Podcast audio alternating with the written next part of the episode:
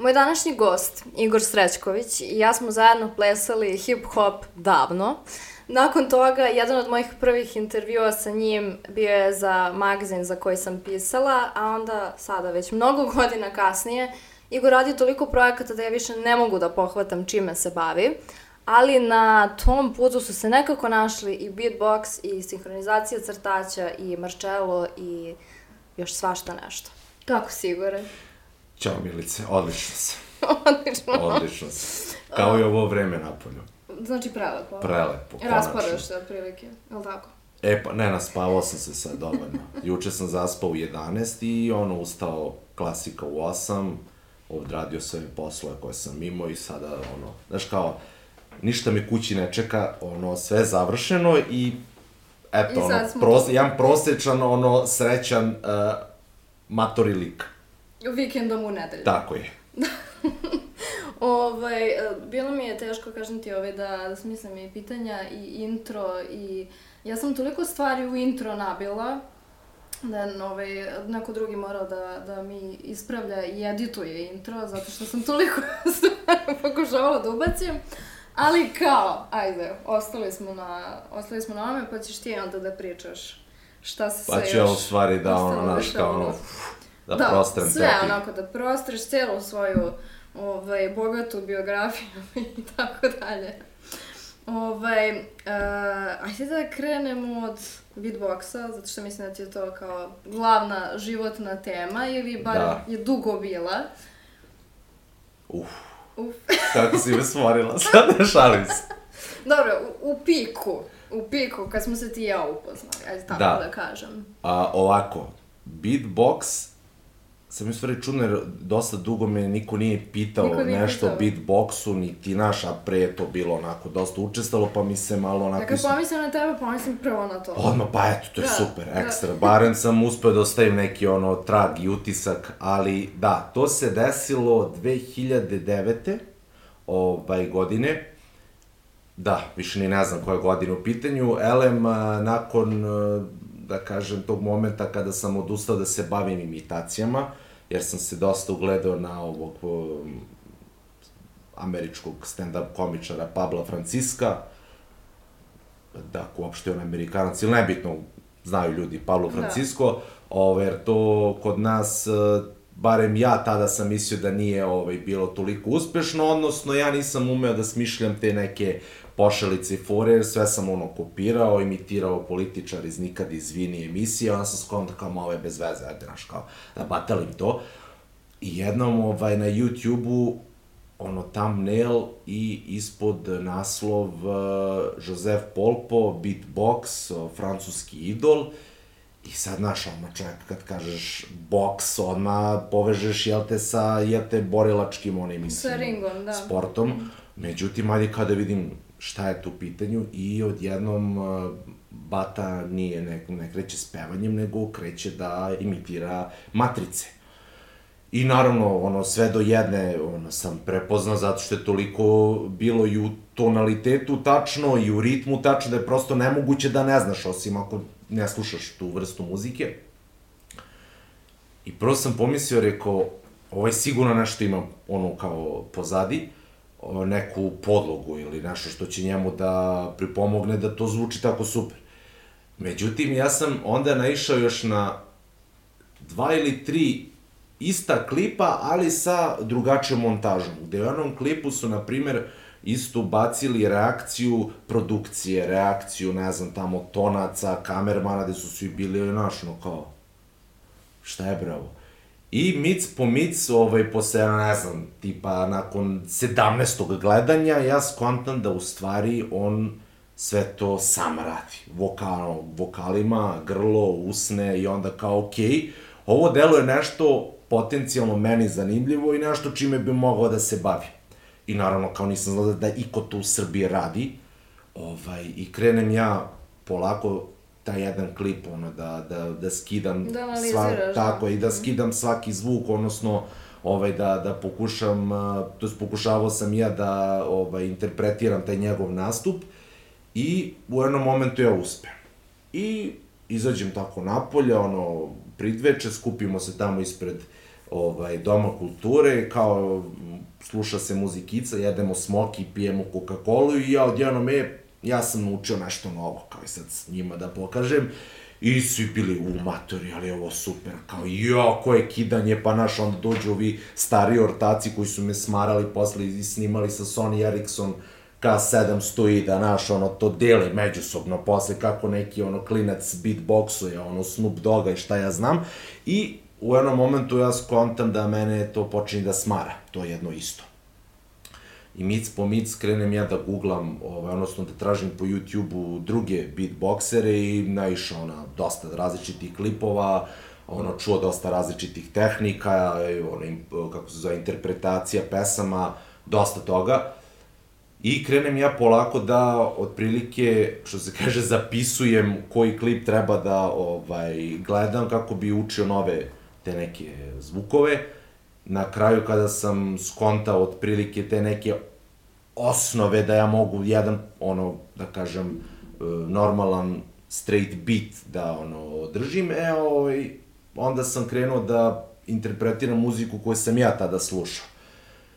I dan danas, kao i tada imam problema sa, sa tim melodijama, intonacijama, pošto ja apsolutno nemam pojma da pevam. Jedno vreme sam išao i na časove pevanja, međutim to je ovaj, zbog posla bilo ovaj, nemoguće nastaviti, ali sve o svemu ovaj, e, jako sam se onako dosta dao u, u sve to, radio na tome i nakon toga se desio i prvi nastup ovaj, u Faraonu u Požarevcu. Čekaj samo da te pitam, ovaj, e, koliko su na YouTube-u uopšte u tom momentu postojali tutoriali? Jesi ti samo gledao nastupe i to skidao ili su baš postojalo, da kažem, neko objašnjenje kao što sad ima gomila edukacija na bilo kojoj temi? E, u ovoj meri koliko ima danas. Da. U smislu, da, da. i dan danas postoji taj jedan sajt uh, humanbeatbox.com, to je jedna onako solidno velika baza ovaj, gde je sve vezano za beatbox, mm -hmm. i nastupi, i tutoriali, uh,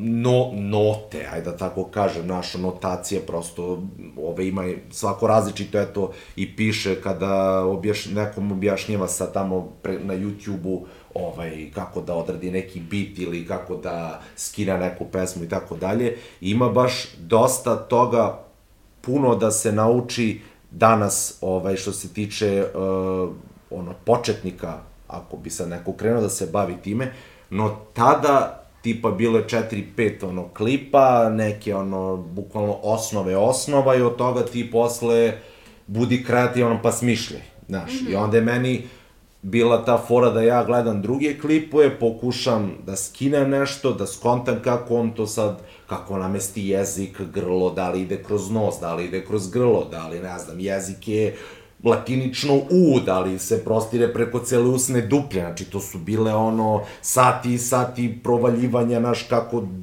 prosto doći do tog uh, zvuka. zvuka. Da. Jedno mi se čak i desilo da sam ovaj, vilicu dislocirao. Dok sam vežbao jedan zvuk, tipa tri meseca mi je trebalo, tačno sam ono, vodio evidenciju ovaj, toga, taj jedan takozvani lip roll, ovaj, gde je poenta da ti kriviš vilicu kako bi ovaj dobio zvuk na, na ode krajnjem delu usana, te meni na kraju ja ovaj, nisam prvo mogu ni da, ni da žvaćem, nisam mogu ni da pričam puno i onda kad sam ono otišao kod tipa ono tamo lekara, odnosno zubara da mi to pogleda sve i on kao na kraju zaključak, pa šta je bilo neka tuča ovamo tamo i ja kao... Eh, da je bilo to. Ne, ne, ne, nego ja njemu naš objasnim ili ono krene se sme i suzu, aj bre beši, kao naš nemoj da žvaćeš na, na ono desnu stranu, nemoj previše da pričaš, ono, pa iskuliraj se, naš, kao mislim proći će, ali ono baš je bilo zajebano, ono, tako da Da, ovaj, ali si nekako stigao do tog prvog nastupa. Jeste, e da, da se sad vratimo na... To je bilo na... nakon toga, je li tako? Nije bilo uh, umeđu vremenu? Pre dislociranja? Ne, ne, to se desilo dosta, dosta kasnije, da. ovaj, kada, mislim, kada su krenuli ti mod, kada su krenule te moderne tehnike ovaj, u beatboxu, pa naš, ono, mi svi na globalnom nivou smo krenuli da učimo sve te mm -hmm. ovaj, zvukove. Međutim, no, da se vratimo na tu dve, te 2010. već bila, prvi nastup u, u Faraonu, sećam se, to je bila ta lokalna ono postolačka rap grupa, zvali smo se LSD, ali kao loši srpski delikventi. Znaš, Dobro. I tu sam ja bio lik koji je, ovaj, naš, malo repovo, ali ja sam tu kao beatboxer, znaš, ja sam kao neka, ajde da kažem, maskota da malo, ono, naš, dižem publiku. MC. Ovaj, pa mislim da, ali samo bolji. A, Šalim bolje, se. okej. ovaj, a, I to je prošlo, onako da kažem, super, ljudi su bili zadovoljni, ja sam bio zadovoljan. Nakon toga je usledilo nešto što prosto mislim da nije bilo ovaj, u skladu sa celom tom urbanom kulturom i samim beatboxom. To je bio 8. mart i uh, otac mog dobrog drugara Tome Topova, ovaj, koji inače svira violinu i s kojim sam nastupao na talentu, ovaj, on čovek uh, prosto hteo je da, eto, malo da me baci pred ljudi, kao, e, ajde vi, ono, 8. mart, imamo mi tu u kudu neko dešavanje, ajde kao ti Toma da odradite neki nastup. I kao, ajte, naš, i mi spremili, sećam se, uh, to je bio, pa da, Vivaldi proleće, u nekom tom, aj sad, beatbox, uh, violina, ovaj, aranžmanu, i mi radimo taj nastup pred onako dosta starijom publikom koja prosto nema pojma šta je urbana kultura, kamoli šta ja radim, ajde, znaš, kao vide Da, još Tomu ispada koji da svira. otprilike. ili, na, mislim, ono, sad kad i pogledam klip, koliko nisam imao pojma tad, ja sam stvarno sakatio to, znaš, kao, ovaj, ali, međutim, znaš, ono, kao, ljudi su bili s fazonom, kao, šta je bre, ja posle toga imam solo tačku gde su me, znaš, ono, e, drugari i drugarice koji su, ono, došle baš s namerom da odgledaju taj moj nastup, da nisu oni krenuli da hajpuju da, malo, da, da. publika bi verovatno, znaš, gledala samo i mislim, to su ti neki, da kažem, prvi nastupi, pa je bilo i gostovanje, sećam se na sat, sat televiziji isto u Požarevcu, tamo, ovaj, kako se zove, pa, bilo je, bilo je dosta tih nekih, ono, kratkih pojavljivanja na početku, ali mislim, sve to meni je, u tom Doprinelo, momentu mi da. nije ni značilo toliko u smislu kao, e, došao sam tu, odradio sam nešto, meh, znaš, možda ja nisam bio zadovoljan mojim scenskim nastupom, ali mi je bilo super, jer sam shvatio posle vremenom da mi je to onako bilo super u smislu, lepa, ja sam već bio pred kamerom, e, ja sam već nastupao pred ljudima, znaš, kao, nemam sad Nemaš tu neku tremu, tremu, da, ko, da. koju, koliko bi inače verovatno imao da nemam iskustva sa, sa time, i ove, ali sam na kraju shvatio da i ne valja kad nemaš tremu. Jer o, kad imam tremu, stalo mi je do toga i hoću da se sijem da bude super. Kad, nema tremu, kad nemam tremu, onako sad sam opušten i kao, e, ajde ja da izrokam ovo, ne, i u ta, uglavnom uprskam nešto tad. Znaš, publika i dalje bude, e, super, ali, Ali ja sam da sobom, pogrešio, taj da. unutrašnji nemir koji, ono, znaš, borim se sa sobom, ti, znaš, ono, jako dugo posle toga, znaš, kao, da li ću se usuditi da opet to radim, kao što sam, znaš, da ću raditi e, ovaj, e, tu tehniku ili ono, bilo šta vezano za to što je doprinelo da moj nastup bude ono, naš, kao, meni ne okej, tako da, eto, od sebi sam rekao, trema mora od sad. To jest od tad. A kad si ti prvi put za sebe pomislio u čoveče, meni je ovo strava i da ovim treba da se bavim? Odmah na početku. Odmah na početku. Odmah na početku, zato što, uh, znaš kako, te u Kostolcu je bilo uh, doba kada su svi ne, su, kre, su kretali da se bave tom nekom muzikom i jako malo njih je zapravo i dalje ostalo u tom svetu. Svi smo mi bili neki reperi odjednom. Naši, svi smo se izložili, skidamo neke matrice, ono, naš, sa onim uh, voice-overima da bi sprečili, znaš, pirat, piratizaciju i šta ti ja znam, ali nama to nije smetalo. I onda sam shvatio kao, ok, ja ne umem da pišem, uh, znači, rime, na, i meni dalje kao da recitujem pesmicu, što meni nije bila neka ono poenta i na kraju rekao, ne, ja ću da se bavim ovim, I ja mislim da, da je to to, to je meni super, to je meni ono kao gas i ja ću time da se bavim dokle god je ono kao moguće i bio u fazonu sad ću da izguram s ovim, pa ono, ma gde god ono da idem sad. Koliko kasnije se dešava talenat? To je jedan talenat i proces audicije i... Ubrzo zapravo, prvi talenat koji je bio na Pinku. Prvi talenat je bio na Pinku. Ja se prvo prijavljam kao imitator. Znači, vratio Znači se- se onom prvo... Da, da, da, ne znam šta mi je tu bilo, ja sam kao skontao, ljudima će više da se svidi ako ja imitiram Koštunicu i Labusa i to je to, znači. I kažem ja sebi, ma ne bre, ma daj opet, znaš, kao, zovi sad opet uh, taj, ono, broj za prijevu i kaže, e, ja sam malo pre zvao, neću imitacije, beatbox. I ja zovem, naš, ono, žena se smeje kao u redu, beatbox, ali je to definitivno, rekao, to je definitivno, ne zovem vas više.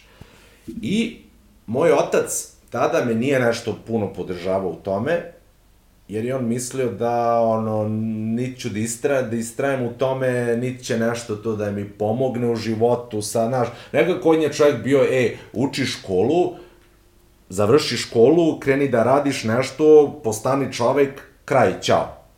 Nemoj ti da se zanosiš Da, tim drugim stvarima. da. hobi i to je to. I ove, a mene to sad dodatno izživciralo i rekao, e sad ćeš da vidiš. Da ne, znaš, ono, da, da nema, da neću da, da ono, po, posustanem u tom. I taj prvi talenat, sećam se, prošao je meni u mojoj glavi jako super, ali ovako, da kažem, u praksi je bilo užas.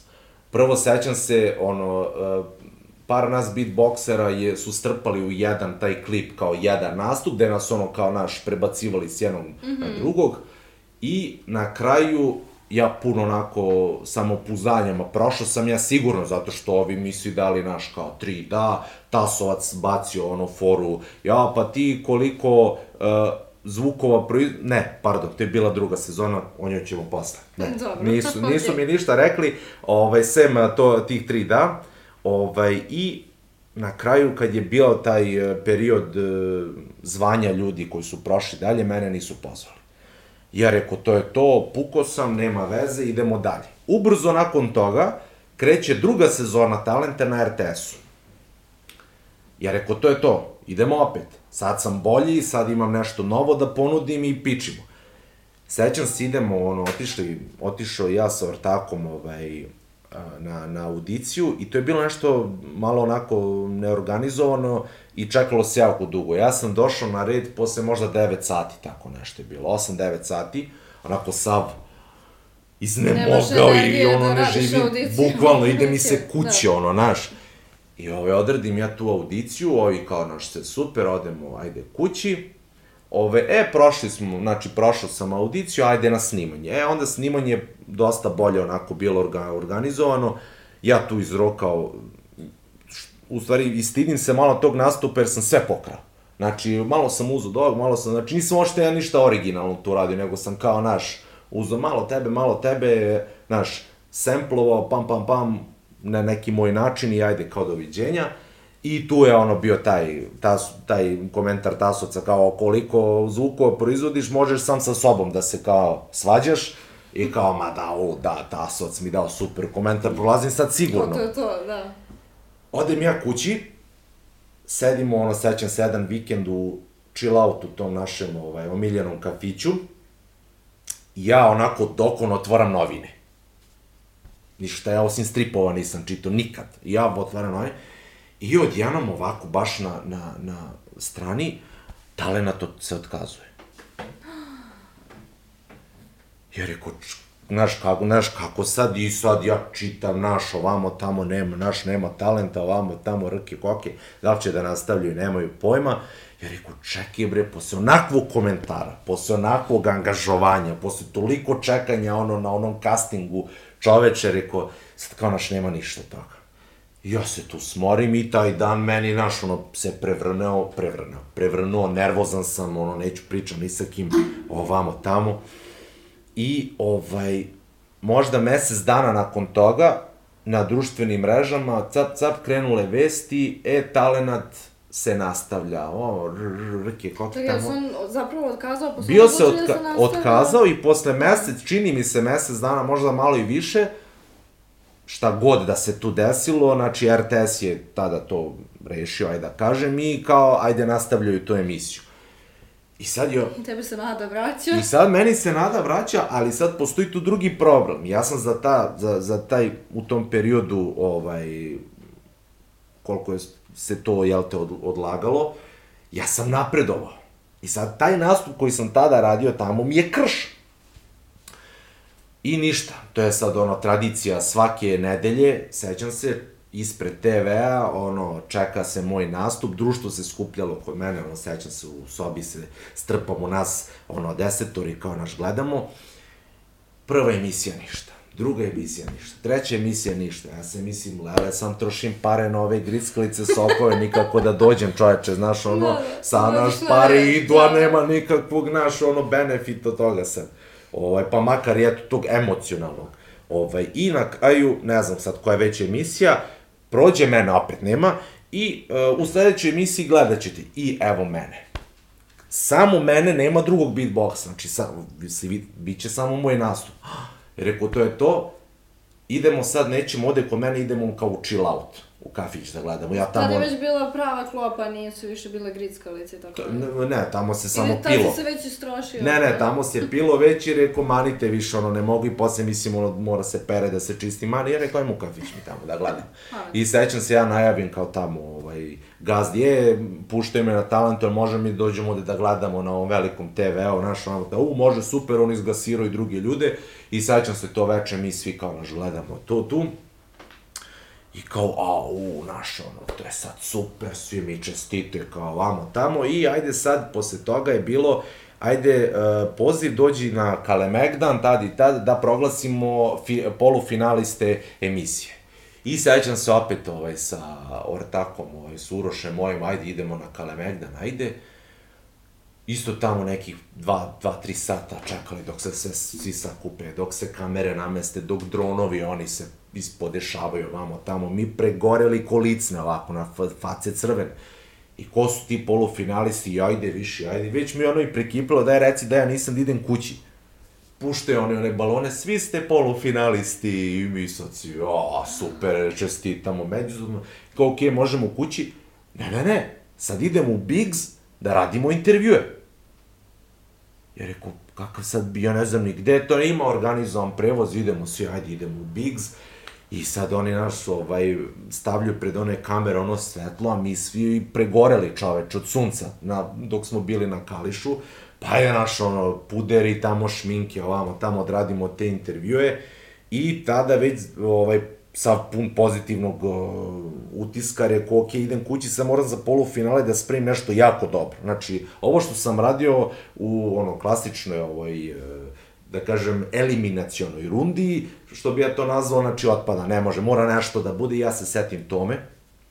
Rekao je, tvoj čala me ono, realno zvao da nastupam ono, sa folklorom, jako veze s veze nema, aj ti sad sa mnom da izrokamo ovaj, opet da, neki kao nastup. neki full circle moment. Bu, ali bukvalno, naš, da. ono, to je, eto, to je dovelo do toga.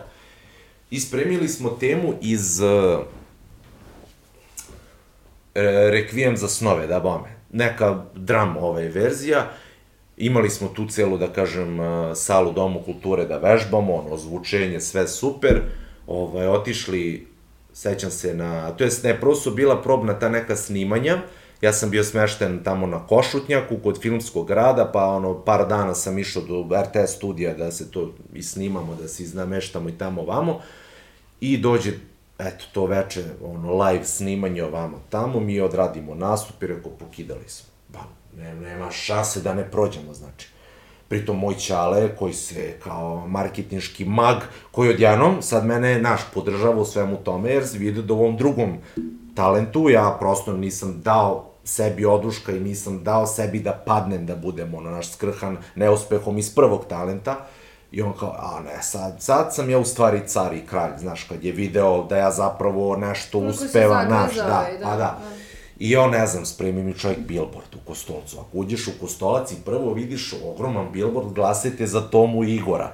Taj broj, znaš, taj dan, pa delio naš, onaj, kako se zove, bre, Flyer. male flaje, da, bome, po kafićima, znači on je baš bio lik, ono, sluđen da on, naš, meni spremi dobro jednu marketinšku podlogu da ljudi, naš, glasaju za mene.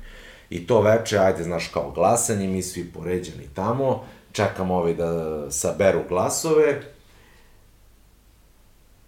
I ja kao, ba, prolazimo, nema šta što ovaj tu peva, ovaj tu nešto igra, neko nema šta, ovo je nešto, naš, ne, neviđeno je on te, da bome. I ne prođemo. I ništa, ja onako, je da kažem, zadovoljan nastupom, ali smoren što nisam prošao, ovaj, vraćamo se kući, a u isto vreme tad je bilo ono prijemni za fakultet, koji ja apsolutno nisam spremio, zato što kao idem na talenat, bre čoveč, idem na TV, kao naš fakultet, sad, fakultet, naš, da. ono, I ovaj, sećam se, odem na političke nauke, znači su bile u pitanju. Ja tamo, poli, tamo kako se zove, se guram sa Vukovcima i ne znam ti ja, njih koliko beše prvih 50, sve Vukovci. I ja kao došao neki lik sa standardnim prosekom i, ne, i padnem na kraju sve to, mislim, ovaj, nebitno. Ali sve u svemu taj talenat tad mi bio onako da kažem, jedno ok iskustvo, ali zapravo sam ja tek shvatio koliko je on meni značajan kad sam došao za BG, kada su ono naš, krenuli da mi se javljaju tako razni neki ljudi za saradnje ovamo tamo, onda sam zapravo skonto da taj talent i nije bio toliko, ajde da kažem, ono, bez veze projekat u kojem sam učestvovao. Da, ili poraz. Ili, pa mislim, nisam ja to gledao kao poraz, jer zapravo sam posle shvatio da sam ja prošao dalje u krug. Ja bih potpisivao neke, znaš, sa tamo ugovore, ja bih bio vezan za njih, i prosto ne bi imao tu slobodu, znaš da ja sad idem da nastupam gde hoću, da ja pregovaram za cenu nastupa, ili znaš, i tako to, i onda sam bio u fazonu, uf, pa mislim, super je onda, videli me ljudi, znaš, ono, pamtili nastup, super je sve ovamo tamo, ali nisu, nisu mi ruke vezane, mogu da nastupam opet dalje, i što je na kraju tako i bilo.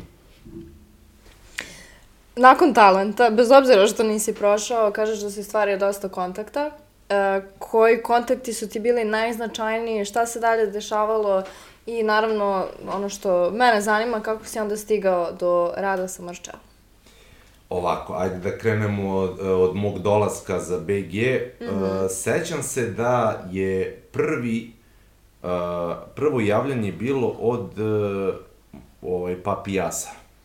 Moj ortak koji ovaj, sad je, vodi Aristocrat Music label A, javio mi se uh, u fazonu kao ajde naš nešto da, da snimim, da radimo tako da raduckamo i kao ajde, mislim što da ne.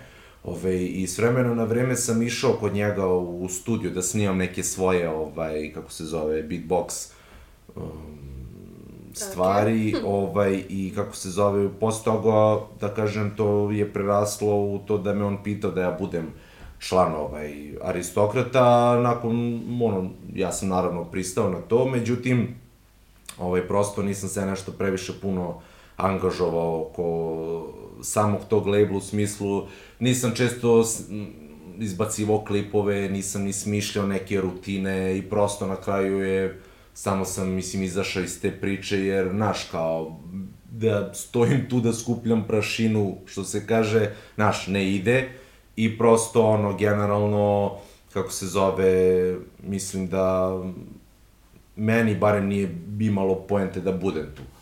Ovaj, takođe, bilo je, ne znam, organizacija Trojka iz bloka, isto tu su me za svoje nastupe, ono, cimali da tako između, na tim pauzama, ono, nastupam. Ovaj, tu je takođe bilo jedno, ovaj, jedan poziv koji, ono, će da, da me pecka do kraja života, Naime, zvali su me iz uh, nemačke ambasade.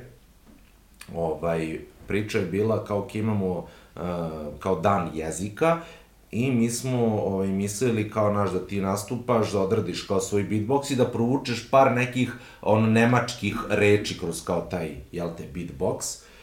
I ovaj, meni se tu, znaš, što delo, pritom na engleskom sve pričamo, ovaj, jel? I kao sve ok, super, uh, pre, kao ajde pre nego što pređemo na, naš, kao na, na, na cenu i šta ja znam, uh, taj neki datum, ne znam, rekli su mi da li sam slobodan, međutim tog istog, to jest dan pre toga sam imao proslavu, znači uh, proslava ne znam koliko godina postojanja ovaj, tog glumačkog oceka u, u srednjoj školi u kojoj sam ja bio, gde sam i ono, se bavio malo glumom. I sad je ovako, u tom momentu, znaš, ono, zustavlja se vreme i krećem sa računicom. Ja ako sad, e, ne znam, to je petak, e, odem za, ovaj, kako se zove, to je ne, bio je četvrtak, petak idem za Kostolac, da uh, tamo to proslavim, vamo tamo pa mora da se onda vratim za BG u subotu, to je 160 ono kao kilometara cimanja, pa pitanje Nećeš posle spavati, da li ću...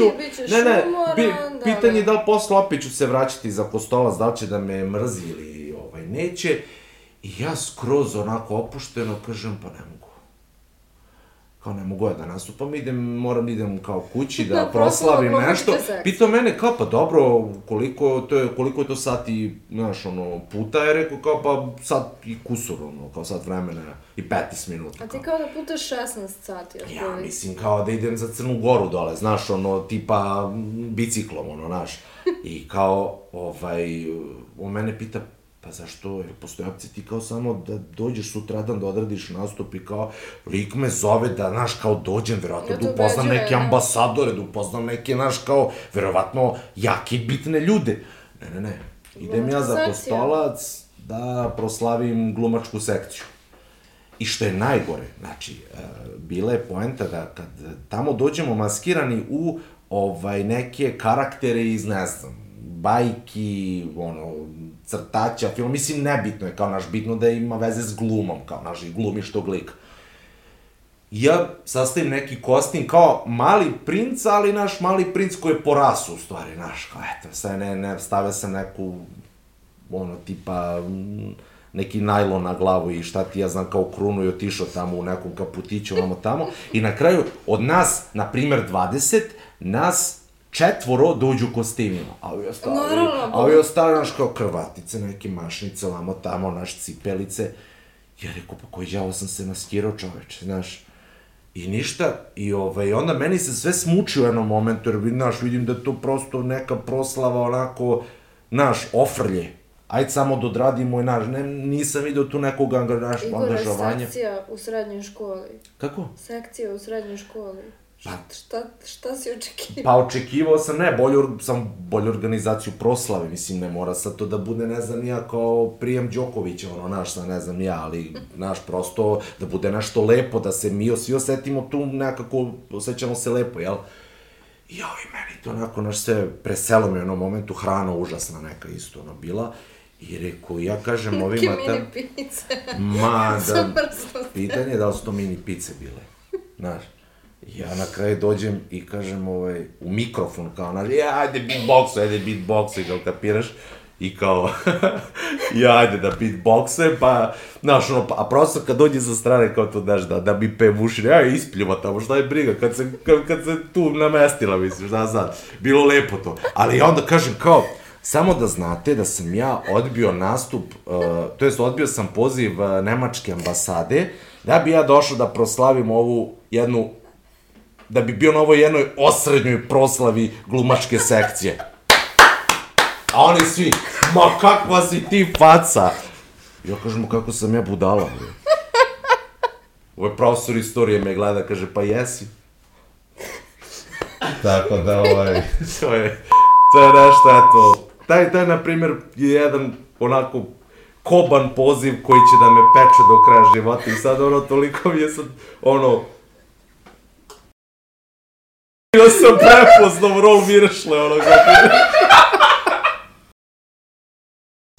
Nakon ovog prekida programa, ovaj, šta se dešavalo sa kontaktima pored uh, mini U- pizza i tako dalje? Uglavnom, to su bili drugi isto ovako beatbokseri, kao ovaj, s kojima sam bio u kontaktu uh, generalno ranije, ali ne toliko kao oni iz BG, ja iz Kostolca, ne, naš, ne verujem da će mi išta tu puno da radimo, niti da se družimo. Uh, međutim, kad sam stigao u BG, onda je krenulo to upoznavanje s drugim beatbokserima, ono, sanjaranje o tome kako će mi da pravimo neku scenu i šta ti ja znam da pravimo razne neke eventove.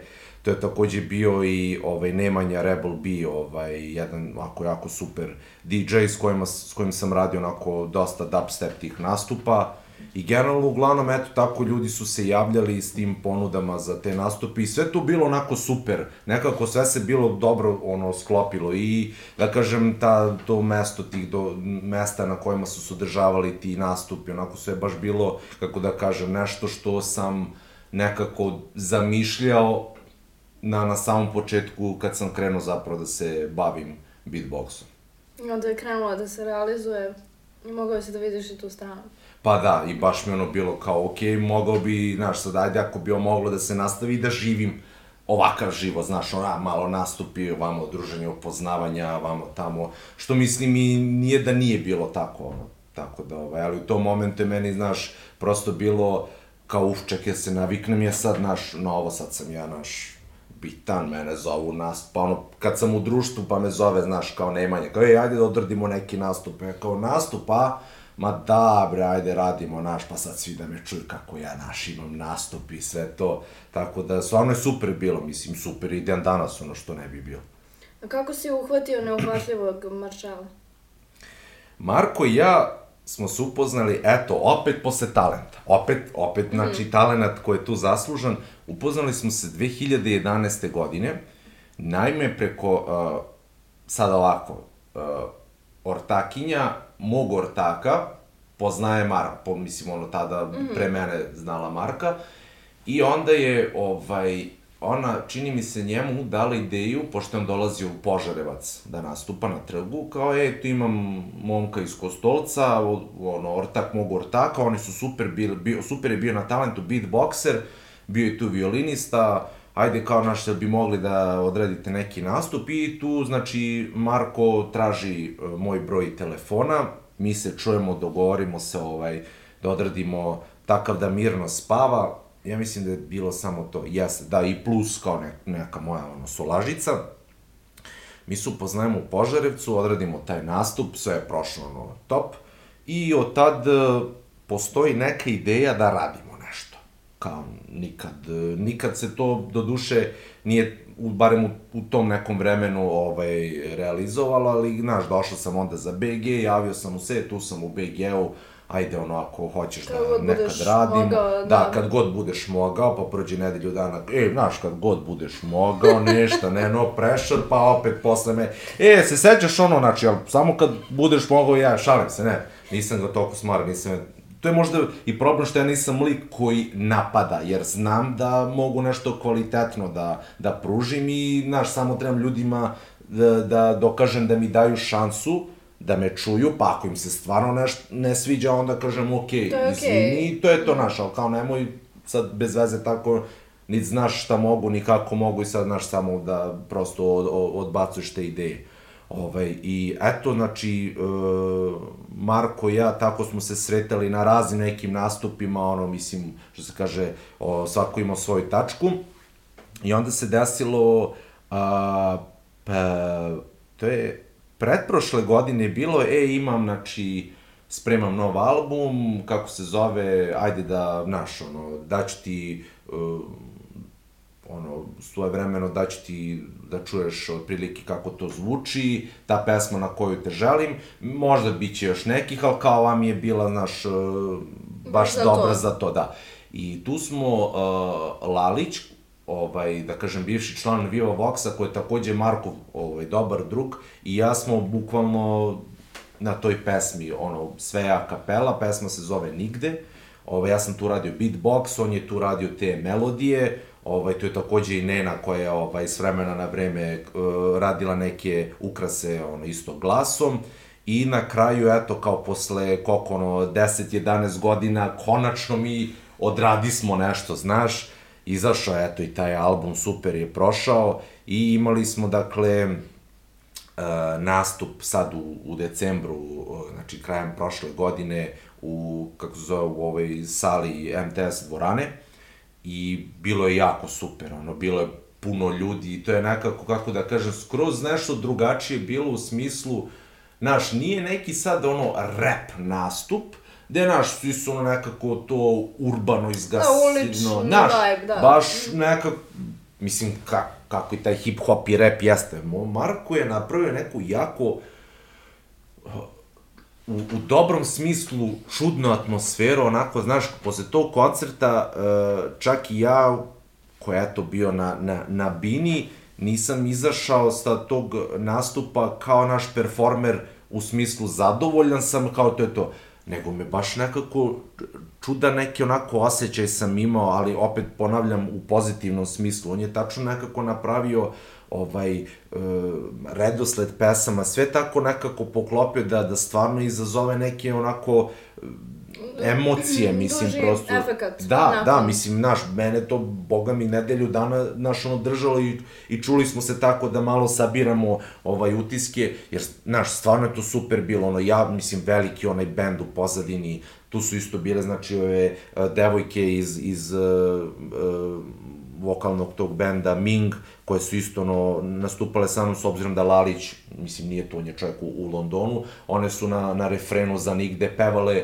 ovaj, taj njegov deo. I znaš, i sve to nekako super bilo i za to kratko vreme svi smo se baš ono zgotivili za tih par probica, znaš, svi ti ljudi koji sačinjavaju te njegov bend su isto, naš, onako super, svi onako te odmah nekako prihvate, naš, svi odmah te hajpuju, naš, nekako baš je to nešto što, što čo, čoveku treba na tim tako naš ono probama da non stop ta podrška neka naš ono međusobne šta ja znam. I ovaj i eto on ima sad tu ideju da zapravo taj koncept nastupa zadrži pa gde je to moguće u smislu ako organizacija je finansijski uh, u mogućnosti da isplati jedan takav show, ono naš, on je u fazonu, ajmo negdje preko da probamo to, ajmo naš ono. A jel smeš da, mislim smeš, uh, da podeliš nešto o tome, koliko si zapravo bio u studiju sa njim da možeš da, da osjetiš kako on radi sa muzikom? Pošto je vrlo specifičan od uvek bio. Vidi, on je, on je, on je ovako jedan ovako super lik, bratina, onako, on u, u fazonu naš veselje, veselje i onako malo, kako da kažem, e, da popijemo po, po koju rakicu malo samo da se, znaš, ono, da prosto pokrenemo tu, e, taj mehanizam u sebi mm -hmm. i ono i baš onako e, dosta, dosta i, naš, ima tog e, gasiranja tu, kao, u, ovo je dobra, je sad kao, znaš, da dodamo ovo, možemo da oduzmemo e, nešto drugo, ovamo, tamo, jako je prijatno raditi s njim, znaš, znaš, ne pričam ja sad što se ja družim s njim, ja stvarno tako mislim, ja verujem da bi se on postavio tako prema svakom, Znaš, prosto je pristupačan, saslušate, on ima dobre ideje, prosto on se trudi da, da na primer, e, mene što više shvati kako bi on meni dao onako jedan e, dobar konstruktivan feedback šta bi moglo šta bi mogao da dodam i eventualno šta bi mogao da oduzmem, ali mislim saradnja s njim je prosto naš ono kako da kažem, super. Najviše, najviše onaj sam volao momente kad, naš, kao odem kod njega da, da preslušamo ovaj, kako tako nešto zvuči, e, kako je to je zvuči pesma pre same produkcije, šta ti ja znam, i eventualno ovaj, da, da uvežbamo neke stvari pred taj nastup u decembru, pošto njegov stan je ono obogaćen knjigama, stripovima i figurama. Ja, na primjer, koji se jako koji jako se loži na Transformers, on obavezno mora da mi ono spusti ovako Megatrona i Optimus Prime ovako da ja ovaj, ih malo gledam da uživam u tom jednom prizoru, pa onako, naš, da, da probam da ih rasklopim ili ono, da ih, to jest transformišem. Tako da on je baš ovako, da kažem, brat, ortak, onako, baš baš je super skroz lik, ono, i znaš, sad, ja kontam da njegova muzika ne prija svakom, kao što meni ne prija neka sa druga muzika, naš, ali hoću ti kažem, e, sve u svemu neki put kad tako ljudi, on ima neke bez veze percepcije o njemu, onako baš se sve uzmano, ti nemaš pojma, ko je taj lik, naš, ono, kad, kad uh, izađe iz tog studija i kad, ono, naš, ne radi to, nego, aj, sedni popričaj s njim, pa, naš, ako ti se opet ne svidi, onda, mislim, ti reci, to je tvoje mišljenje, naš, ali ovako, kao, ali dobro, mi smo navikli na to, da... A šta si naučio od njega za to vreme? Dok ste radili na pesmi pre koncerta? Šta sam naučio? Da. Naučio sam da je čovek na koga mogu da se oslonim bilo kad i bez ikakvog ustručavanja. Tehnički ovako ništa, mislim, ja sam isto dovoljno upućen u, u tu, da kažem, ono, tu tehnologiju preko koju da. snimavamo, da, ne, ne znam sad, ja ne znam koliko, ali nešto sitno, ali sam zapravo skonto nešto što je meni možda još bitnije, to je da naš čovek, ako ga sad, naš, verovatno pozovem u bilo koje doba da ga nešto zamolim, on, naš, bit će sfozono, ok, može. Što isto, isto važi, znači, ono, i, i, i, i za njega, mislim, ono. A ili bi volio u nekom trenutku da odradite ceo album zajedno? Kako ne? Mislim, bilo bi to onako da kažemo, potencijalno težak, potencijalno jedan težak period, ali uh, sa, samo iz tog razloga što ne umem da pevam. I uvek se vraćam na to pevanje. Znači, ja samo da sam svojevremeno naučio, ne da pevam sad ne znam nija kako, ali da znam neke osnovne, ono, naš harmonije da izvučem, da prosto mogu da, da, da eksperimentišem, ja mislim da bi sve ono tu išlo dosta boljelo i, i ono i lakše, ali ovako voleo bih, ali bi se verovatno napatili. Ako bi kao naš bilo sve vokali, eventualno da znaš kao, e, ajde da pozovemo još nekog da mi kao pomogne, jer ja sam ovako baš sam ono, ja sam isključivo samo bubanj. Znaš, nisam gitara, klavijatura, to, znaš, kao truba, sve to otpada. Samo sam čista, ono, čiste perkusije. Čekaj, kako si ti završio onda u toliko bendova, horova i tako dalje? Uvek si okružen pevanjem, ali Jeste, nisi se nikad da, udubio da. u, taj Vidi, znači, uh, kao što sam rekao, ja sam svoje vremeno krenuo kod uh, mog jednog ortaka na, na časove pevanja i, ovaj, i meni je to išlo zapravo super, radio sam on, svaki dan te vežbe disanja, ono ne znam, kao stavim papiru za zid i onda, naš, kao, to, to disanje i kroz dijafragmu i šta ja znam, pa, naš, kao da duvam papir što duže, da ostane panšno, brrr, ona raspevavanje, šta ja znam, i sve to meni super išlo. I onda sam konačno došao do momenta kad, e, ono, je on bio u fazonu, ok, aj sad neku pesmu da otpevaš, ja te ono snimavam, stanemo, ja ti kažem gde si pogrešio, šta treba da menjaš, šta treba ono da, da generalno radiš, međutim taj posao tad gde sam radio, generalno nije mi dozvoljavao više da taj luksuz da idem i da stignem još i na časove pevanja, ali da, mislim, generalno, možda kad bi se opustio, u smislu, eto, kad su barem ta raspevavanja u, pitanju da ja malo se kao priključim, čisto da probam nešto, možda bi me neko čuo i rekao, ej, ajde naš da probamo, ne, ali, znaš, i dalje sam nekako kako da kažem, stidim se, eto, iskreno, stidim se, sramota me, numem da pevam, ali zato kad su, kad je ritam u pitanju, tu je, znaš, ono, kao, kao dobar tu dan, mislim. Pa mislim, da, nekako, znaš, to je ta moja komfort zona i, znaš, kao, neću da pametujem za stvari koje ne znam, nego držim se uvek, i generalno, mislim, ceo moj život se zasniva na tome. To što znam, držim se toga, ovo što mi je nepoznato, ćuti, pusti neko, ono, priča, ko zna i to je to. Uh, a šta, šta se dešava posle sa, sa Viva Voxom? Sa još jednim horom u kome si bio koji na kraju nije zaživeo, sa Sizipom? O, ovako, ajmo sad da krenemo hronološki. Prvo se desilo, prvo se desio a kapela band Glasne žice. A, glasne žice, tu me preporučio jedan, ovaj, moj kolega beatboxer, ovaj, Petar, koji je tad izlazio iz benda, nije mogao da stigne zbog posla da se posveti bendu. Tu upadam ja, ovaj, krećemo ono, probe, bili su i nastupi, ovaj, i u, i u jednom momentu Stefan ova, Zdravković, s kojim, koji isto bio u, u, u žicama sa mnom, ovaj, mi se javio sa tom nekom idejom, e, imamo ono ortaka, sviramo ono akustične gitare, bih hteo ti s nama kao neki beatbox, pa da probamo nešto kao da odradimo ovaj, sa time. I ja rekao, ajde, što da ne i tu su onda uporedo im bile su glasne žice i neimenovani bend u tom ovaj momentu. Imali smo te neke probice i desilo se onda kao uh, a ajde oni su vežbali uh, valjda da Another Brick in the Wall ovaj su vežbali neke akorde. I ja đuture preko toga krenuo da repujem od uh, Ajsni Grutina, to jest njegov vers iz pesme Si mi dobar i onako full ono imitacija njegovog glasa i to je nama bilo kao u čoveče daj da snimamo ovo, naš i ništa postavljamo kamerice i onako naš nešto tu se raspodelili ovaj, po, po kadru, krenuli da se snimamo, odradili taj snimak, ok, hoćemo da kačimo ovo, kao pa ajde, naš, ništa nas ne košta. I umeđu vremenu, ajde, pošto ćemo da kačimo, kako ćemo mi da nazovemo, mislim, ovaj, naš band, da kažem, ajde, trio. Uh, bilo je tu dosta ideje, na kraju naš bilo je, da li ćemo, ovaj, bilo je Sizif, kao naš da guramo kamen, ali mi ćemo ovo nemoguće da izguramo do kraja, međutim kao na kraju smo se vratili, uh, smo ipak usvojili CZP, što je skraćenica od sreća, kao Srećković, zdravlje, Zdravković i Pavlaka Pavlović. Pošto naš, ono, Stefan Zdravković, Dušan Pavlović, Igor Srećković i kao Sizip. Ajde, naš, terega. Nemamo pojma šta je, ni to vi drugi znaju, ali dobra fora, znaš, sa kao nas pitaju Sizip, oni očekuju nešto, jo, bre, naša prezimena, kao, znaš.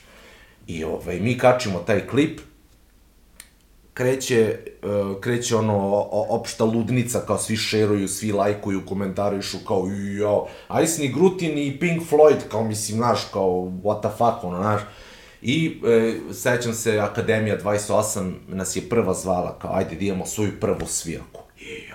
I ja, i ludnica, čoveče, pa naš ono spremanje ovamo tamo. Ta akademija, to je ono, da kažem, kao nekom ono njihovom holu ovaj, se održala ta svirka, prepuno je bilo. Znači, to je ono došlo dosta njihovih drugara, ljudi sa strane koji su čuli, eto, za nas preko Facebooka, došli su neki moji ljudi, i to je prošlo fenomenalno, znači svi ono ishajpovani, skandiranja, znači ludiranja ovamo tamo i tada smo shvatili da Sizip kao ideja može da radi. E, međutim, ja sam tu prelomio u smislu, više mi se svidela ideja Sizipa e, nego glasnih žica generalno, ja sam onda odlučio da odustanem od glasnih žica, naravno uz preporuke drugih beatboksera koji mogu da me tu zamene, jer prosto Sizip je bilo nešto što više meni priliči nego, jel te, akapela benda, bome. I mi smo provalili, ok, nama su mashupovi, to je naša stvar, i sviramo isključivo hipster, hipster slash funk muziku, to je nešto što ove ljude na, ovaj, hoće da, da privuče. Pa je tu naš, ono, posle bilo Zvonko Bogdan sa Skrillexom, pa smo uh, snimali uh, to je bilo Zdravka Čolića uh, Krasiva i od Viklera Znam ja ko si ti, pošto, mislim, u refrenima se iste sekvence, ono, uh, poklapaju. poklapaju, da, i kao, znaš, to je bilo prvo, ali niko ne zna tu Viklerovu pesmu, kao, znaš, zašto bi to radili, rekao, veruj mi, ajde dobre fore, ajde da snimimo đuture. I onda se sećam, uh, kada smo išli u, preko Jungle tra, Travela u ovaj, Grčku, tamo ne, neko kampovanje da sviramo, uh, prišlo nam je par ljudi u fazonu, e, mi nemamo pojma o tom albumu od Viklera, ortaci, ortaci ne znaju, ovaj, iz 2007. godine i kao mi smo čuli tu, na sad, tu Viklerovu stvar iz pa i kao da poslušamo original i kao ljudi bili su zonu, je, pa taj album je super, znaš, kao i posle njima kažem, znaš, kao nemoj da se odmah zatvara taj da probamo, pa naš, ako ne prođe, nećemo nikad više sviram. I umeđu vremenu, ovaj, posao me tu sve više i više kočio, mi generalno, ono, malo smo i drugačije ideje imali o, o daljem radu, generalno Sizipa, ja konkretno, ono, nisam bio za te balade, tako te neke stvari, dok ostali jesu, i mislim, ono, kapiram da to verovatno ljudi vole da čuju više nego naš neku sad hipster stvar, ono, sa strane, i na kraju, znaš, ono, posao mi ne dozvoljava, nije meni bio više taj vibe, tako da ja sam, eto, prosto morao da izađem iz Sizipa da ne bi, kako ti kažem, neću se svađam tamo sad s njima, ovamo me i posao guši, naši prosto je nešto... Dobro, razilazili da... ste su kreativnim idejama. Jeste, da, ali mislim da, da je taj Sizip bio generalno dobar projekat i da je nekako prosto da smo da smo zapravo sad nebitno da li je moja ideja bila u pitanju ili njihova, ali mi je krivo nekako da, da smo se e, da smo mogli da se nađemo u istim ti nekim talasnim ono kapiraš frekvencijama to bi ja mislim bilo baš super ono šta bi sve moglo da da proizađe iz toga i ovaj nakon toga ovaj eto dešava se da nisam bio ono kao naš faktički nigde ono solo snimam se Instagram ovamo tamo ovaj, pa ova pandemija malo mi je poremetila ceo taj, kako da kažem, intenzitet, ceo taj intenzitet rada. Zalet koji si imao. Pa da, mislim, ja sam zapravo spremao jedan EP, koji sam hteo da radim sa, znači, reperima iz Aristokrata. Snimao sam na onoj looper mašini kao matrice i meni se to iz dana u dan sve manje i manje sviđalo.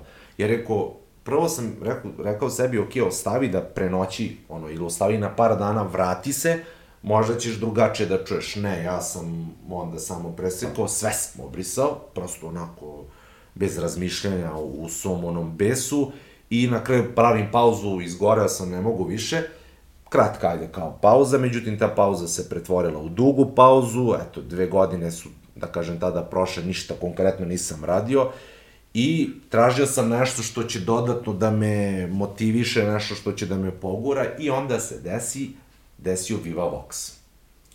moja drugarica Milica, Elem, ona je bila, ovaj, obavestila me, izašao je Tihomir, njihov tadašnji beatboxer, nije mogao više zbog svojeg obaveza, kao, ajde javi se na audiciju.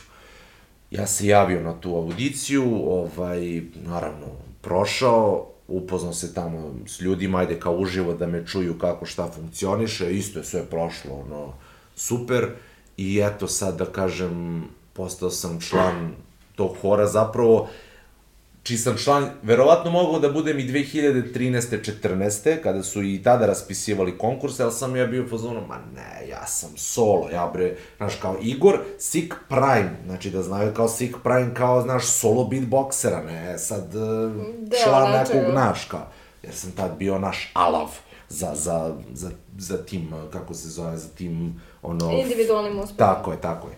I ovaj, sad, e, eto, spremamo, imat ćemo te neke ovaj, nastupe, o, uskoro, nažalost, ne u BG-u, ovaj, ali ono, navijam da ubrzo imamo i u BG-u nastup, da mogu ljudi sad da čuju prosto te neki ono, nove članove hora, pošto tu se dosta ovaj, članova izmenjalo, neki su eto prosto otišli zbog nekih drugih obaveza, ali su zato došli neki novi. I baš mislim da je onako super gas, ja onako baš ovaj, volim, na primjer, eto, kad su te neke e, pesme koje, čiji ritam je ravan i obavezno volim malo te neke prelaze da odradim, da to malo zamastim, što se kaže, da zvuči onako kompleksnije, to vidim da se, mislim, i njima to dopada. I opet, eto, opet sam naišao na, na grupu ljudi s kojima se onako, da kažem, ono, poklapam u tom nekom idejnom smislu i eto, jedva čekam da krenemo tako malo te ono, nastupe da radimo, jer baš će da bude dobar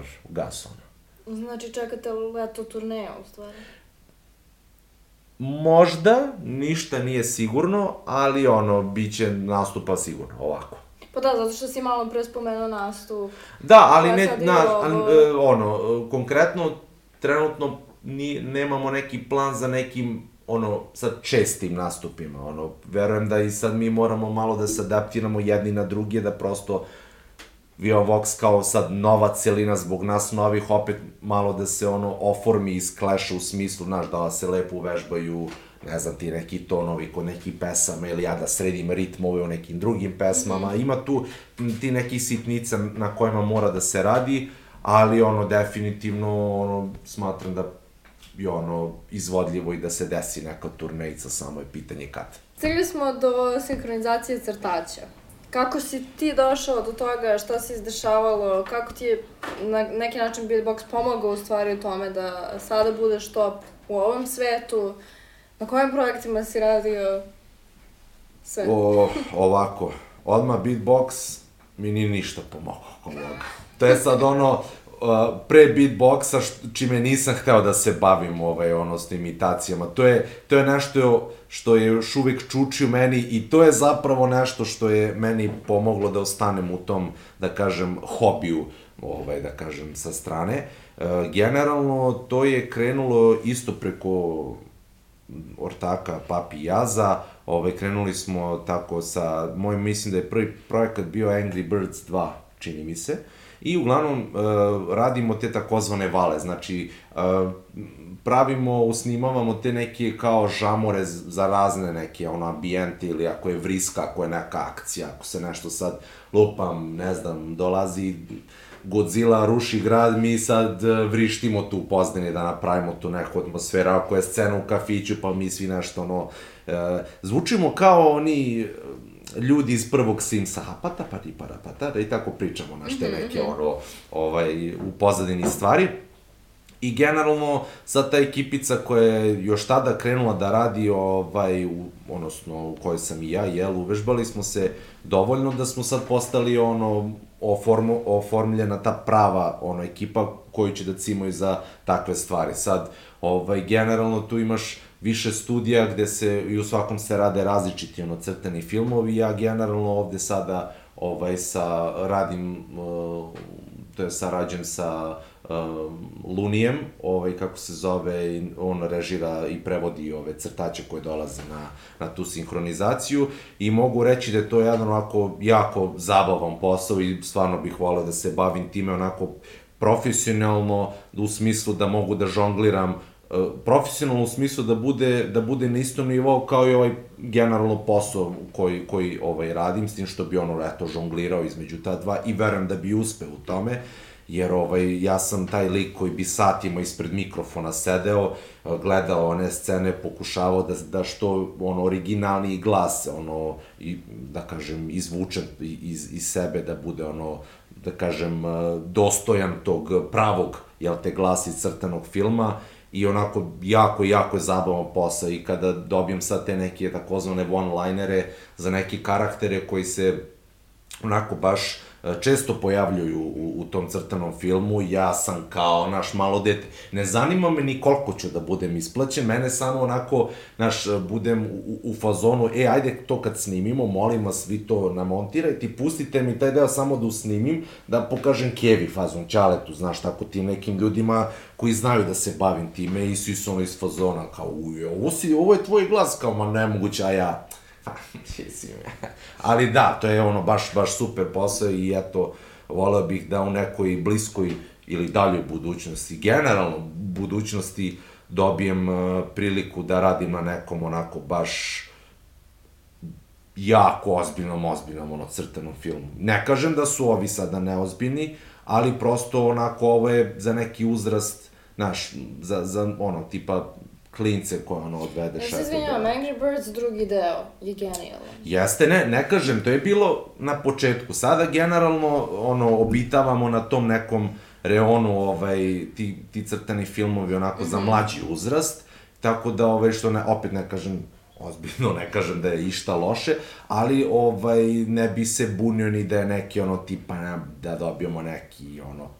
Pixar, Disney crtani, ono, doduše i radili smo na Disney, onom crtaću, ovaj, Onward, to je isto onako bilo super. To je zapravo i prvi put kada e, su me prozvali u bioskopu kao voice aktora, a ja pritom nisam bio spreman za to. I onako, ja sedim skroz negde pozadi, sad prozivaju ove glumce koji su davali glas, svima onako poznati, jel?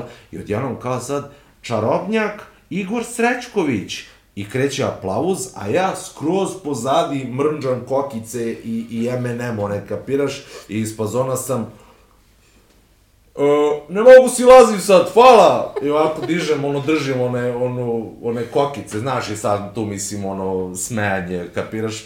Ovaj, da, ispalo da, kao da je namerno. Ovaj, pa mislim da, ono stvarno, ne mogu silazim sad dole, sedim na sredini, mama, dete, mama, dete, tetka, dete, nem da sad ja preko njih da idem, ne mogu silazim, hvala, molim, lepo, doviđenja.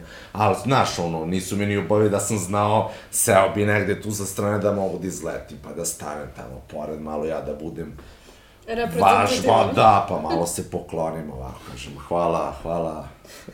Kostolcu. Hvala svima koji su me podržali i omogućili da stignem do ovde. Hvala vam. Ja se izvinjam ovdje. U backstage-u se dešava. Ja se izvinjam.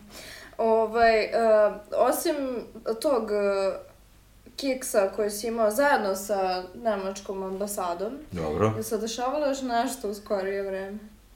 Hvala Bogu ne. I ono, rekao sam, to mi je nekako uvek stoji mi iza glave kao podsjetnik da ne treba da žrtvujem nešto što jako puno volim zarad nečeg što mislim da volim. Tako da, ovaj, od sad, bukvalno, koja god prilika da je u pitanju, ono, bit ću spreman da, ono, si iskombinujem kako znam i umem i sa poslom i sa privatnim obavezama samo da ispunim eto ovaj to nešto ako ju ono Potpuno, ima veze ako ima treba. ako ima generalno veze sa ono beatboxom tako da ovaj stvarno nema smisla da pravimo opet istu grešku. Uh, ka, kad smo kod tih zanimljivih ovaj, smešnih stvari, očigledno, uh, u nekom trenutku si se upustio u gaming industriju, Radili smo zajedno nekad davno u igronici. Eh, da. Da, ja nisam imala pojma o igricama, ti si naravno sve znao, pa ovaj, sam trčala kod tebe da mi objašnjavaš stvari. I sećam se da si tad pokušavao da, da nađeš posao u gaming industriji i sećam se i da si išao na neke razgovore, pa te nisu zvali, pa bukvalno ceo taj proces, da. ono, kao da je juče bilo. Ove, I onda si upao ovaj, vremenom i u taj svet i da kažem tu dobio full time posao koji Da. voliš. Da. Uh, pričaj mi o tome i o VR-u u karantinu, pošto znam priču za to. Uh, koje igrice voliš da igraš? Mi smo igrali Beat Saber stalno, Da. ali št, koje su tvoje Da. igrice koje onako baš E, voliš? Vezano za gaming, ja moram, sad, ovo je stvarno nešto čime moram da se pohvalim. Znači, ja sam e, konkretno ge, s gamingom krenuo ono tipa možda sa 5-6 godina, ovaj, Sega Mega Genesis i sećam se prve one igre Sonic, Knjiga u džungli, Lion King i tako dalje, ali sam uh, time zarazio i moju babu. I moja baba je krenula sa mnom da igra igrice. Krenula ona da iznajmljuje ono Sega Megu, pa ja naš kao idem u, idem, idem u posetu kod bake da jedem bakine kolače, u stvari idem u posetu kod bake da igramo igrice, kapiraš ono.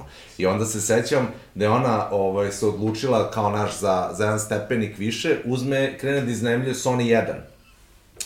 I onda ja idem kod nje da spavam, da igramo Sonic Kids i ona jednom uh, uzme, iznajmi Resident Evil. Resident Evil 2 koji je tad ovaj, izašao za Sony 1. I bog te mazo, igramo, to jest igra ona, ja nisam smeo, igra...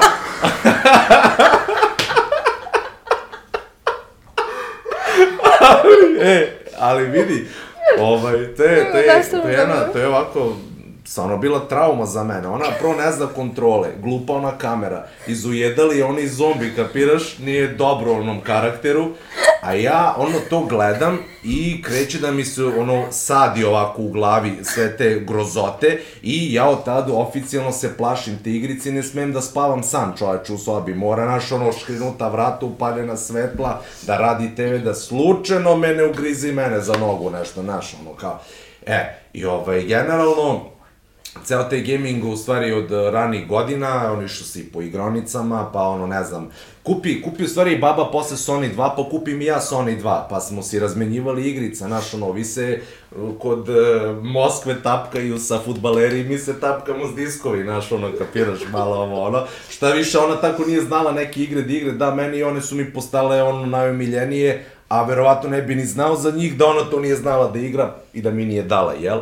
I, naravno, naj, naj, najluđe ono, stvari su mi kad u Blame-u, Blame-u društvu, sećam se ona tad već prašla na Xbox 360 i igrala je ovaj Darksiders 1 i stiže meni poruka, e, Beli, kako da ubijemo ovog velikog crva u nekoj areni, naša. Ja ovako čitam poruku i kao, Mi ne verujete da baba igra igrice, šta je ovo, šta je ovo? Darksiders, neko što za Darksiders, on je hač apokalipsa, vi si kao to, kao čovječe, gledaj, znaš ti sad da ja pričam babi kako da pređe, ono, igri, naš nivo, ja budem faca najveća, ono, i uvek sam to, naš, odem kod nje kao da je posetim, ona malo hekla, kao, znaš, ovako, dok ja dođem, prođe 15 minuta, e, Beli, ja sam zaglavila, ovde dođi da vidiš. I sad ona vata se za joystick, meni daje, sećam se, i stvarno, naš, ono, igrala je neke malo te kompleksnije igre, koje su zahtevale dosta, ono, ozbiljan tajming i, i, i ono, kako se zove, motoriku u prstima i šta ti ja znam. Tako da, da, da završim s time, ono, ba, baka i dan danas ovaj, e, cepa igrice, do duše sad na Sony trojici, ali ono, voli time da se zanima. E, ovaj, ja sam uh, u srednjoj školi onda gledao film koji se zove, čini mi se, Grandma's Boy, ili tako nešto, priča o liku koji ima ono 40 godina, radi kao tester igrice, nikad nije imao devojku, ali sad, meni je poenta bila čeki tester igrica, postoji posao da ti igraš igrice i kao naš, plaćaju te za to, znači, pričamo o periodu pre ovog uh, streamovanja i šta ja znam gde ljudi, eto, igraju igrice, budu zanimljivi dobijaju pare za to.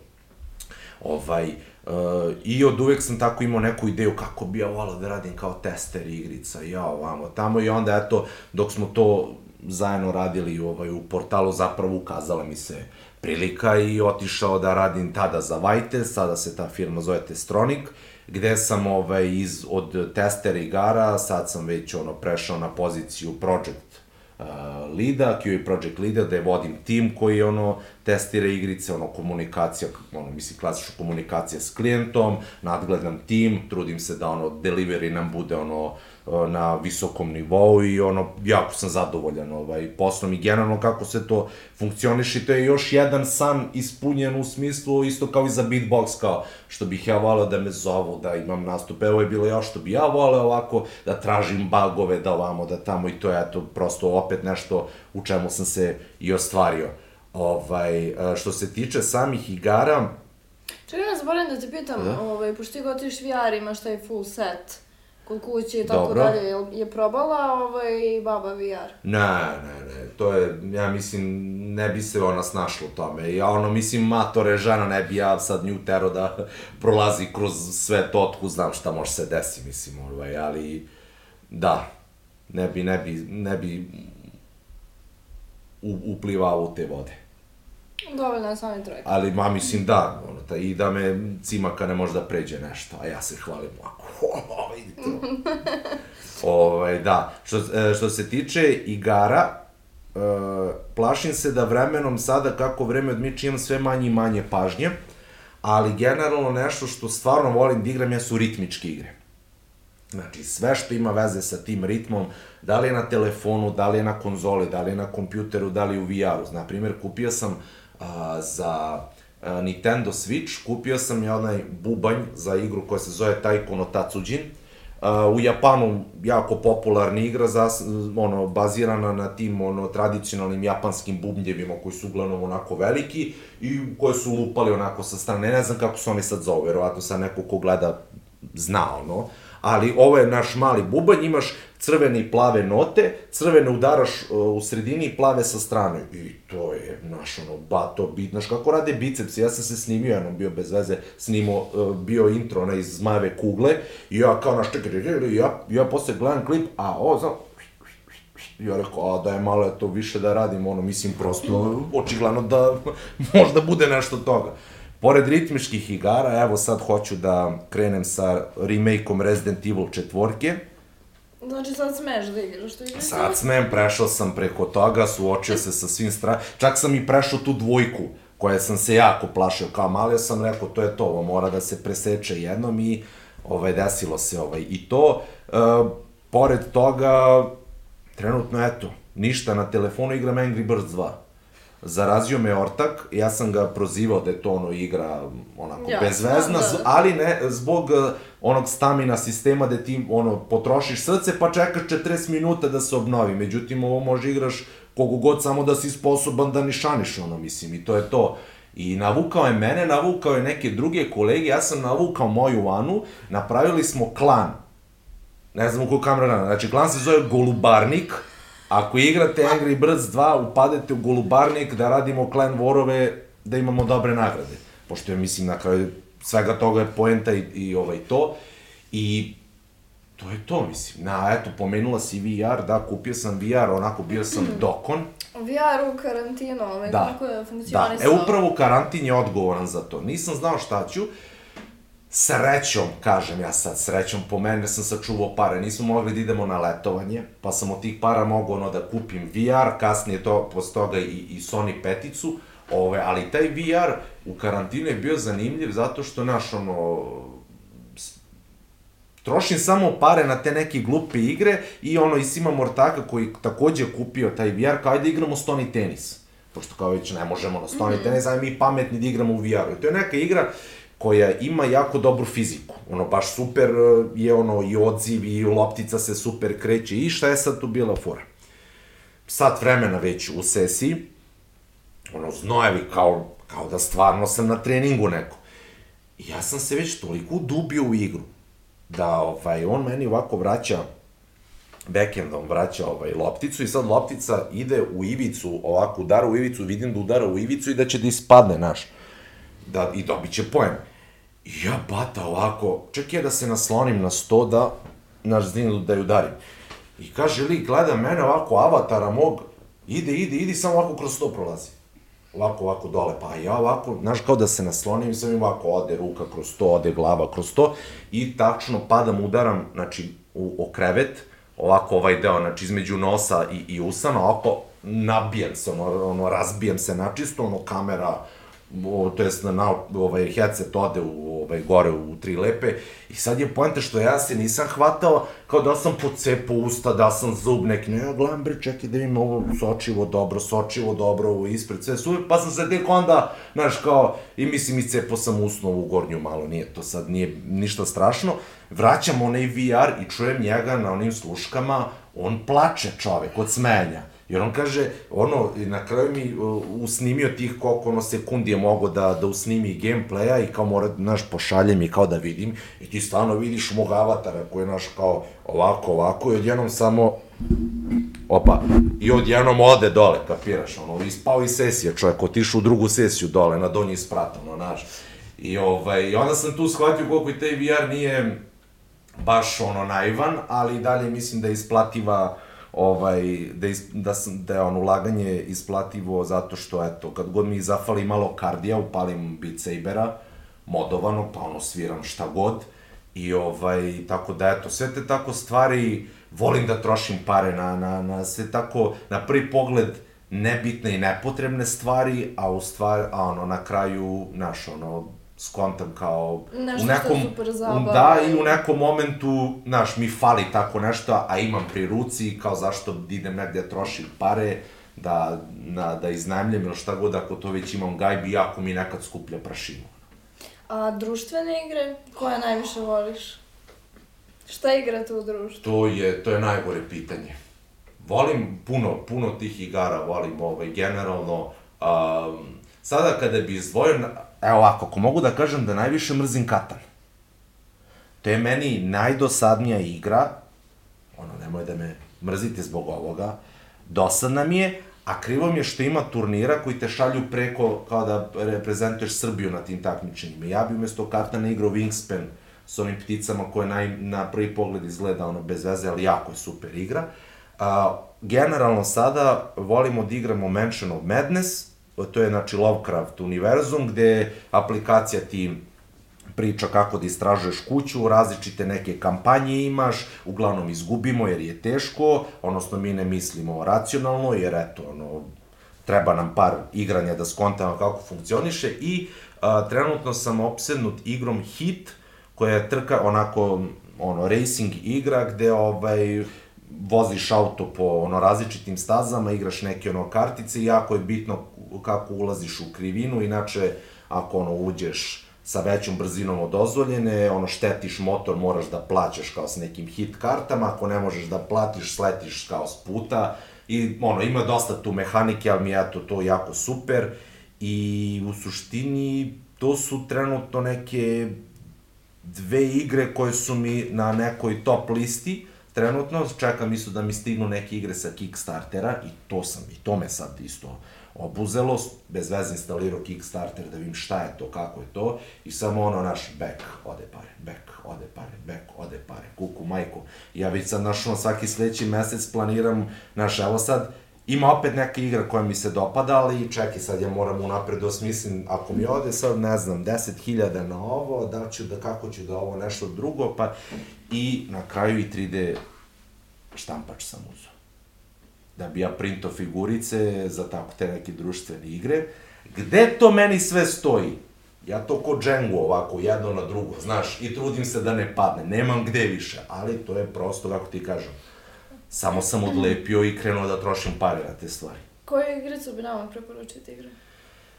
Vama, uh, da. eto, uh, Wingspan, to je znači obavezno, Wingspan, uh, Mysterium, na primer, to je onako super o, jedna varijacija Clueda, gde pokušavate da otkrijete ko je ubio igrača koji vodi igru, i na primer, i na primer, neka bude, neka bude, ovo je jako teško pitanje, ajde neka budu te dve. Znači, Wingspan i Mysterium vam preporučujem da, da igrate, sad ne mogu se setim, pošto mi mozak, sad prepun je mozak informacije i ne mogu da izlistam šta je ovako pristupačno za, za mm -hmm. svakog, a da nije mehanički prezahtevno i da ne traje 6 sati partija. I ovaj, pošto se bližimo kraju, da zaokružimo priču beatboxerskim početcima. Dobro. I da se vratiš malo u taj mod. Ok, Bil si spreman da, da nam baciš nešto? yes. Evo, mogu Da. ovo da malo... Ćeš da prestanemo, da pauziramo ako ti treba malo da A, se... ne, ne, ne, sad ćemo ovako samo da